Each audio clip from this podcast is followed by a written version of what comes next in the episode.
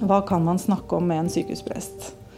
Noen vet ikke helt hva de vil snakke om, men kommer med det som er i bevegelse der og da. Noen vil fortelle om livet sitt til en som har tid og lyst til å høre. Noen ønsker å snakke om relasjoner. Vonde og gode. Noen opplever at livet kjennes for trangt eller altfor stort.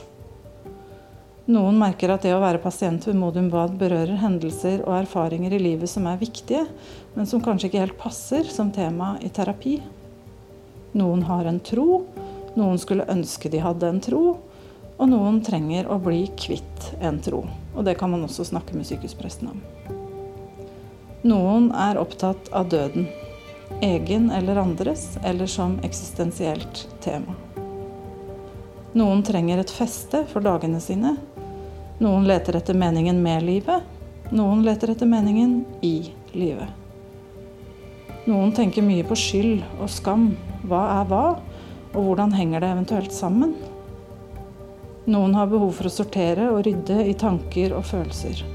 Noen trenger å sørge, noen trenger å finne gleden, og noen trenger å bli sinte. Alt det som tilhører livet, kan få plass i en sjelesorgsamtale.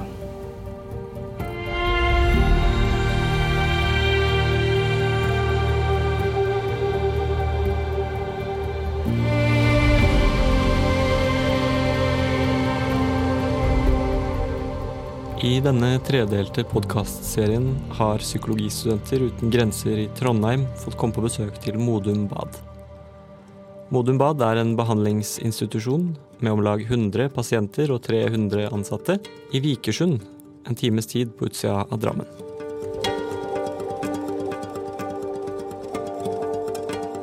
I denne episoden har vi fått snakke med en sykehusprest vi dykker dypere i viktigheten av eksistensielle spørsmål som kanskje ikke får plass i vanlig terapi.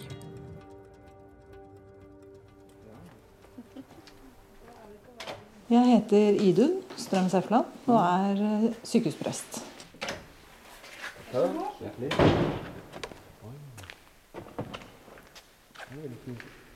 Veldig fin klang, nesten. Ja, veldig. Eh, det er jo ikke så mange pasienter, litt i overkant av 100 mm. om gangen. Men vi er altså to sykehusprester. Mm. Mm. Så det sier kanskje noe om, om mange ting. Det mm. sier både noe om hva Modum Bad er opptatt av, men det sier også noe om at det er et ganske stort trykk ja. på åndelig og eksistensiell tematikk mm. som vi er opptatt av. Mm. Og ofte når det kommer en pasient, så vet ikke jeg noe annet enn initialen på det mennesket som kommer. Så det er helt sånn blanke ark. Og, og um, tematikken kan være veldig forskjellig. Mm. Så det er mitt første spørsmål etter at jeg liksom har gått litt sånn igjennom rammer for samtalen, og hvor lenge vi kan snakke sammen, og hvordan vi gjør ny avtale, og hva som ofte er oppe som tema, at jeg ikke skriver mm. journal, og alle disse tingene her, så er ofte mitt spørsmål Men hvem er du? Mm, Rett og slett. Og det er et sånt Ja, det er kjempefint sted å starte. Mm. For det, folk svarer så forskjellig. Altså, noen blir liksom helt sånn stumme og sier ja, det er jo derfor jeg er her. Jeg aner jo ikke hvem jeg er. Jeg har ikke peiling. Det er jo det jeg prøver å finne ut av. Mm. Og så er vi liksom rett inn i kjempeheavy ting. Mens andre sier ja, jeg heter Anna, jeg er 35 år og kommer fra Tøyen. det er liksom helt sånn på basic. Det er jo lett som en plett å si det, liksom. Mm. Og så kan vi ta utgangspunkt i det. Mm. og så er ofte oppfølgingsspørsmålet og nå er du her. Hvordan er det? Mm. Og så går det an å si noe om hvordan det er å være her. Mm. Og det vi tilbyr, er jo det vi kaller for sjelesorg. Det er et veldig rart ord, egentlig. Hva betyr det? egentlig? Ja, hva betyr det? Mm. det er, vi har liksom prøvd å finne andre ord, men vi finner ikke noe som dekker. På svensk så heter det sjelavård. Ja, og på tysk heter det selsorge, altså omsorg for sjelen. Mm. Det, jeg skulle ønske at vi kunne liksom sagt noe i den dur, for det er jo det vi driver med. Mm. Omsorg for sjelen. Og det er jo egentlig alt det vi er det, mm. som mennesker. Sånn som vi er skrudd sammen med tanker og følelser og personlighet og mm. den vi er.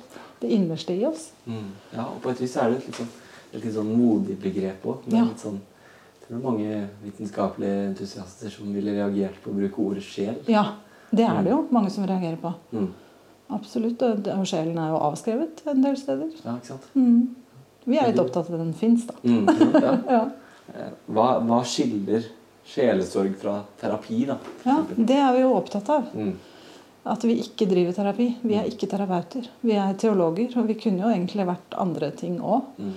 Eh, men vi er teologer, og vi er utdanna innenfor en kirkelig kontekst. Mm. Og vi er ordinerte prester. Mm. Sånn at vi leser ikke journal, skriver ikke journal. Vi har en, en, dør som er sånn på gløtt til det terapeutiske personalet, og er en del av det tverrfaglige tilbudet. Hvordan opplever du at pasientene er da når de kommer inn hit? Da? Er de ofte, har de ofte tenkt på noe på forhånd, eller oppsøker de det fordi de syns det er interessant? Har de bestemt seg for hva de vil prate om? Det er veldig forskjellig. Mm. Jeg hadde en samtale her forrige uke hvor det mm. var en, en veldig sånn samlet dame mm -hmm. fra Oslo vest. Mm. som sa liksom, mot slutten Og nå sitter jeg her og snakker med presten, liksom! Ja. og var så frustrert over at hun kom dit i livet at hun måtte snakke med en prest. så ille var det. så det er på en måte helt eh, Ja, det er veldig ulikt, rett og mm. slett. Noen har jo ganske stor sperre på det. det å, å ha mye triggere på det, rett og slett. Eh, mens for andre så er det veldig naturlig. Mm. Så vi er liksom opptatt av at vi skal være lette å nå og lette å unngå. Mm. at vi liksom både skal, ja, både skal være tilgjengelig, men at man også skal slippe å forholde seg til presten hvis man ikke vil det. Så det er en dobbelthet i det også. Mm.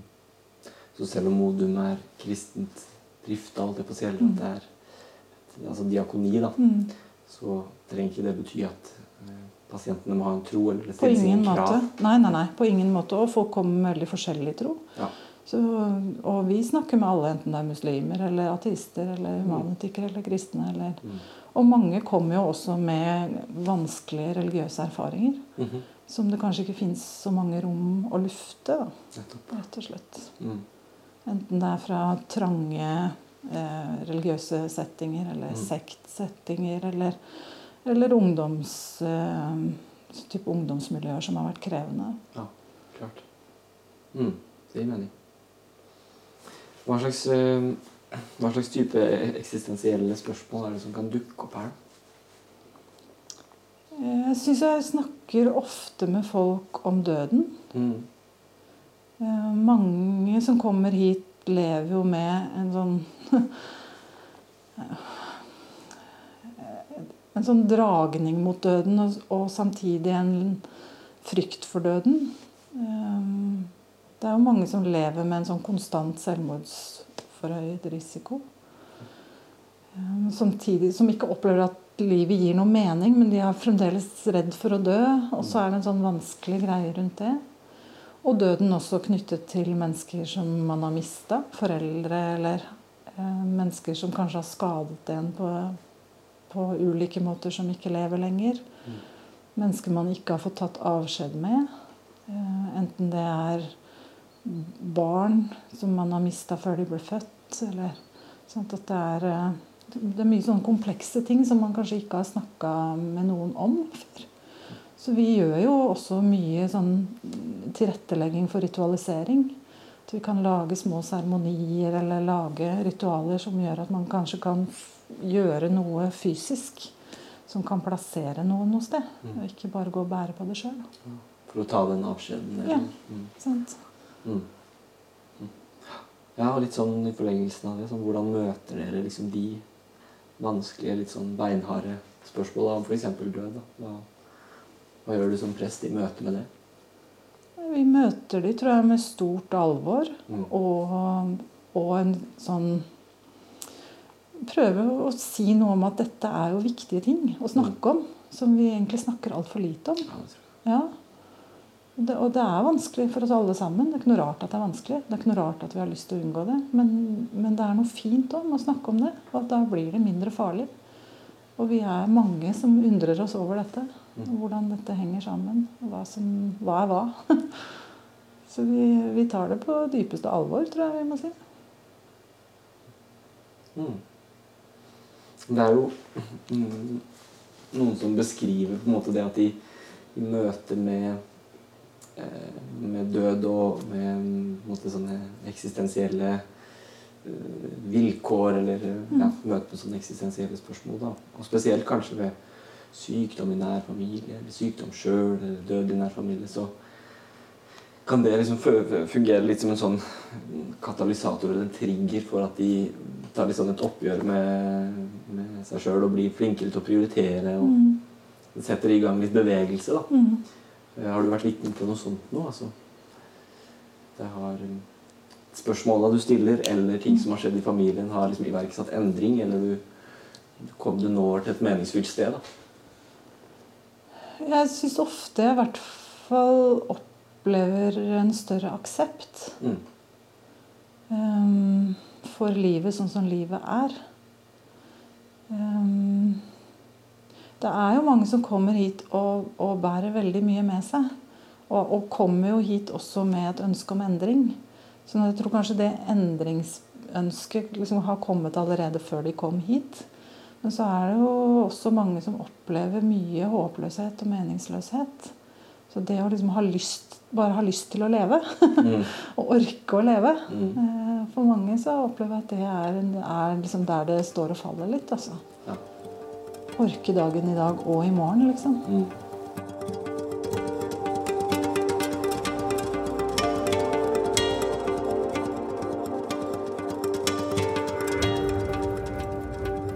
I neste episode har vi fått snakke med en helsesportspedagog om hvordan psykiske lidelser kan sette seg i kroppen. Vi snakker også om hvordan kultur og trening kan gi utløp for psykisk smerte.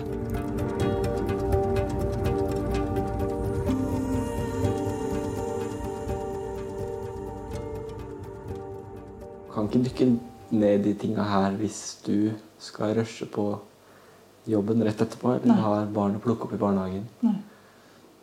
Mm. Er det ofte at eh, altså, Tar det ofte lang tid før altså, pasienten har vært her en stund, før de oppsøker sjelesorg, eller kommer de fort? Ja, det er litt forskjellig. Mm. Jeg er på avdeling for traumelidelser og avdeling for angstlidelser. Mm. Og på angstavdelingen så jobber de i den ene gruppa med metakognitiv terapi. Mm. Og da er de ganske opptatt av å komme inn i behandlingsmodellen mm. før de går til sjelesorg. Ja, at de har vært her noen uker og liksom skjønner hva metakognitiv terapi er, sånn at mm. ikke det blir kontraproduktivt. Ja. Så det tenker jeg er klokt. da. Mm. Og så kan det jo likevel skje at det oppstår et akutt dødsfall i familien, eller at det er et eller annet som, som skjer i pasientens liv som gjør at man tenker at nå trenger vi en sykehusprest likevel. Mm. Men da er det mer sånn på unntaket. Så ofte så har de vært her noen uker før de kommer til oss. Mm. Mens på avdeling for traumelidelser så kommer de ofte andre uka. Mm. At det er så mye som er i bevegelse, og, og det er så komplekst. Setter i gang så mange ting. At terapeutene kan si at dette, kanskje du skal snakke med sykehuspresten om dette. så kan vi... Som du, som du beskriver, så er det jo sånn at pasientene snakker om å komme hit som et litt sånn fristed. Men hvordan er kommunikasjonen mellom deg som prest og de andre, andre behandlerne og eh, ja, de andre som har med pasienten å gjøre? Da? Ja, det er ganske ulikt. Mm. Um, hos noen pasienter så er det jo eksistensiell tematikk eller religiøs tematikk som er grunnen til at de er her. Mm. Og da har jeg ofte tett samarbeid med terapeuter. Eh, andre ganger så snakker vi om ting som på en måte er helt på siden av terapien. Som kan være, det kan være et samlivsbrudd, eller det kan være andre ting som er helt sånn, ikke er tematisk i terapien i det hele tatt. Og da hender det at jeg ikke snakker med terapeuten i det hele tatt. Og så blir det jo kjempeviktig hvis det er fare for liv, at vi holder tett kontakt. Så, og for meg så er det jo helt, eh, det er helt vesentlig at terapeuten har tillit til hva jeg driver med. Mm. For ellers så er det jo ingen som kommer. så du er helt avhengig av at den dialogen er åpen da, og preget av tillit. Mm. Så jeg deltar av og til på avdelingsmøter og morgenmøter og er en del på en måte av teamet, samtidig som jeg er litt sånn på sida. Mm. Mm. Er det Altså, hvor eh, Hvor mye er det sunt å tenke på sånne eksistensielle spørsmål? Mm. Ja, det er et veldig godt spørsmål. Mm. Um, det har jeg snakka litt med disse mine kognitive terapeutkollegaer om. Eh, men det jeg syns er fint, da, med, det er jo at det er et avsatt tidspunkt. Sant? Det er tre kvarter, 50 minutter. Mm. Og det går det også an å snakke om. At, at nå har vi snakka om dette, og vi har vært i, i, store, dype temaer. Går det an å liksom lukke døra inn til dette prestekontoret og tenke at nå ligger det litt igjen her mm. til vi møtes igjen om en uke? Og så, så kan vi fortsette da. Mm. Men at, eh, at, man ikke trenger å gå og gruble på det. Og jeg tror for en del pasienter så er det godt at det rommet fins, og så kan man liksom plassere det litt der. Og så kan man gå ut og lukke døra og ta seg en kaffe. Mm, ikke sant? ja. Lurt ja. ja. Det blir en sånn kognitiv greie, det òg, mm. faktisk. Ja. Mm. Um, ja, vi har spurt alle som vi har snakka med så langt, også om um, Altså fra ditt ståsted, da. Hva føler du er det viktigste du gjør, eller hva er det viktigste for å lindre psykisk smerte? da? Det er et fint spørsmål.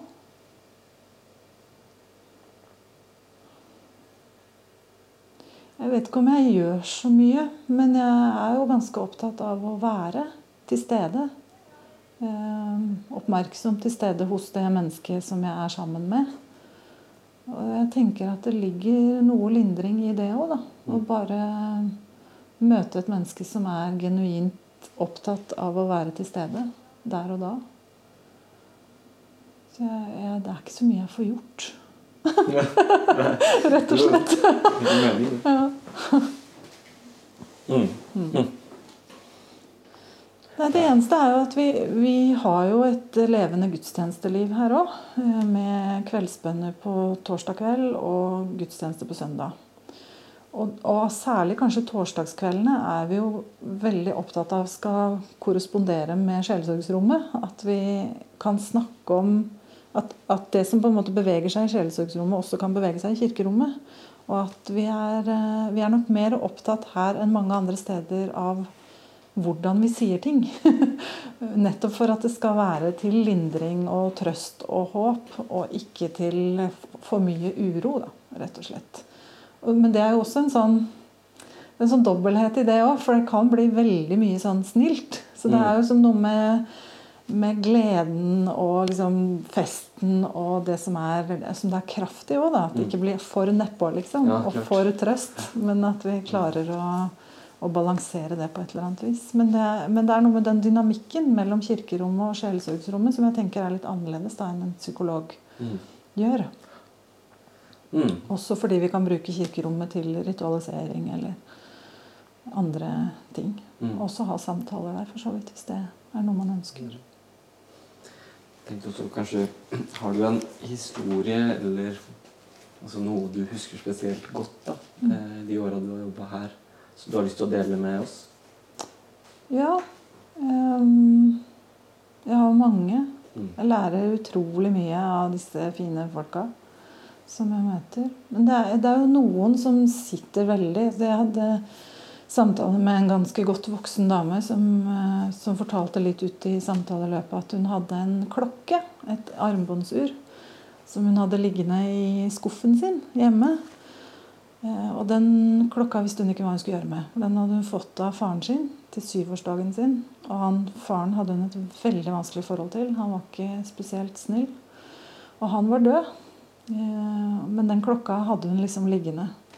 Og så snakket vi om det, om det var mulig å kaste den eller å gi den bort. Eller jeg sier nei, egentlig har jeg bare lyst til å begrave den. Og så sa jeg kan vi ikke gjøre det, da? Det går jo an, det. Og så skrev hun et brev til sin avdøde far fra liksom datterperspektiv. Og tok avskjed med han. Og så hadde hun kjøpt en sånn liten eske. Kjempefin liten eske. Som hun la det brevet oppi sammen med det armbåndsuret. Og så begravet vi det utafor kirka her. Og så når den lå i jorda, så reiser hun seg opp og sier nå begynner en ny tid. det var ja, det, det gjør det. Det var veldig sterkt, altså. Det, det, tror jeg aldri jeg kommer til å glemme. Rett og slett. Det er noen sånne gullhendelser som står igjen. For vi, vi kan jo gjøre mye rart her. det er ikke så mye som hindrer oss i å være kreative og finne finne gode løsninger da, på pasientenes premisser, selvfølgelig. Mm. Eh, det må være noe som de ønsker. Men da er vi jo med. Mm. Så det var én historie. Ja, en historie. Mm. Ja. Hvordan opplever du at, at hvordan, hvordan, går pasientene herfra? da? Altså de, hvis de kommer hit med et eller annet de vil prate om. Mm. Eh, det, hva skjer i løpet av en kan skje da? Hva kan skje i løpet av en samtale? Vi har jo veldig sjelden bare én samtale. Så mm. Ofte så er det kanskje tre, fire, fem i løpet av den tida de er her, eller enda flere. Mm. Um, men jeg, jeg, opplever at pasienter bruker det rommet. Det er mange som kaller det for et frirom. Mm. At det er, det er ikke noe jeg skal med den pasienten. Det er ikke noe sted vi må. Og at det er litt annerledes enn å være i terapi, hvor man liksom har en behandlingsmodell og som ofte er ganske strikt. da man skal igjennom eh, lytte til narrativ eksponering. Liksom gjøre, man skal gjøre noe. Så blir det ikke plass til alt det andre som tilhører livet. Så jeg, det var en pasient som sa at det fine med deg er jo at du kan ikke hjelpe meg med noen ting. Ja, og det, er jo, det, tar jeg som et stort kompliment. Jeg tenker ja, det er jeg glad for. Men det er, noe, det er en frihet i det. Da, at, at, vi ikke skal noe. Vi kan bare være sammen den timen, og så kan vi undre oss over det som er som det er, som mm. mennesker på, helt på lik, likt nivå. Jeg er også bare et menneske som undrer meg over hvordan livet er, rett og slett, sammen med et annet menneske. Så uten å måtte gå inn og prøve å fikse noe? Ja, nei, vi fikser ingenting. Mm. Vi gjør ikke det, altså. Mm. Og lover ikke det heller.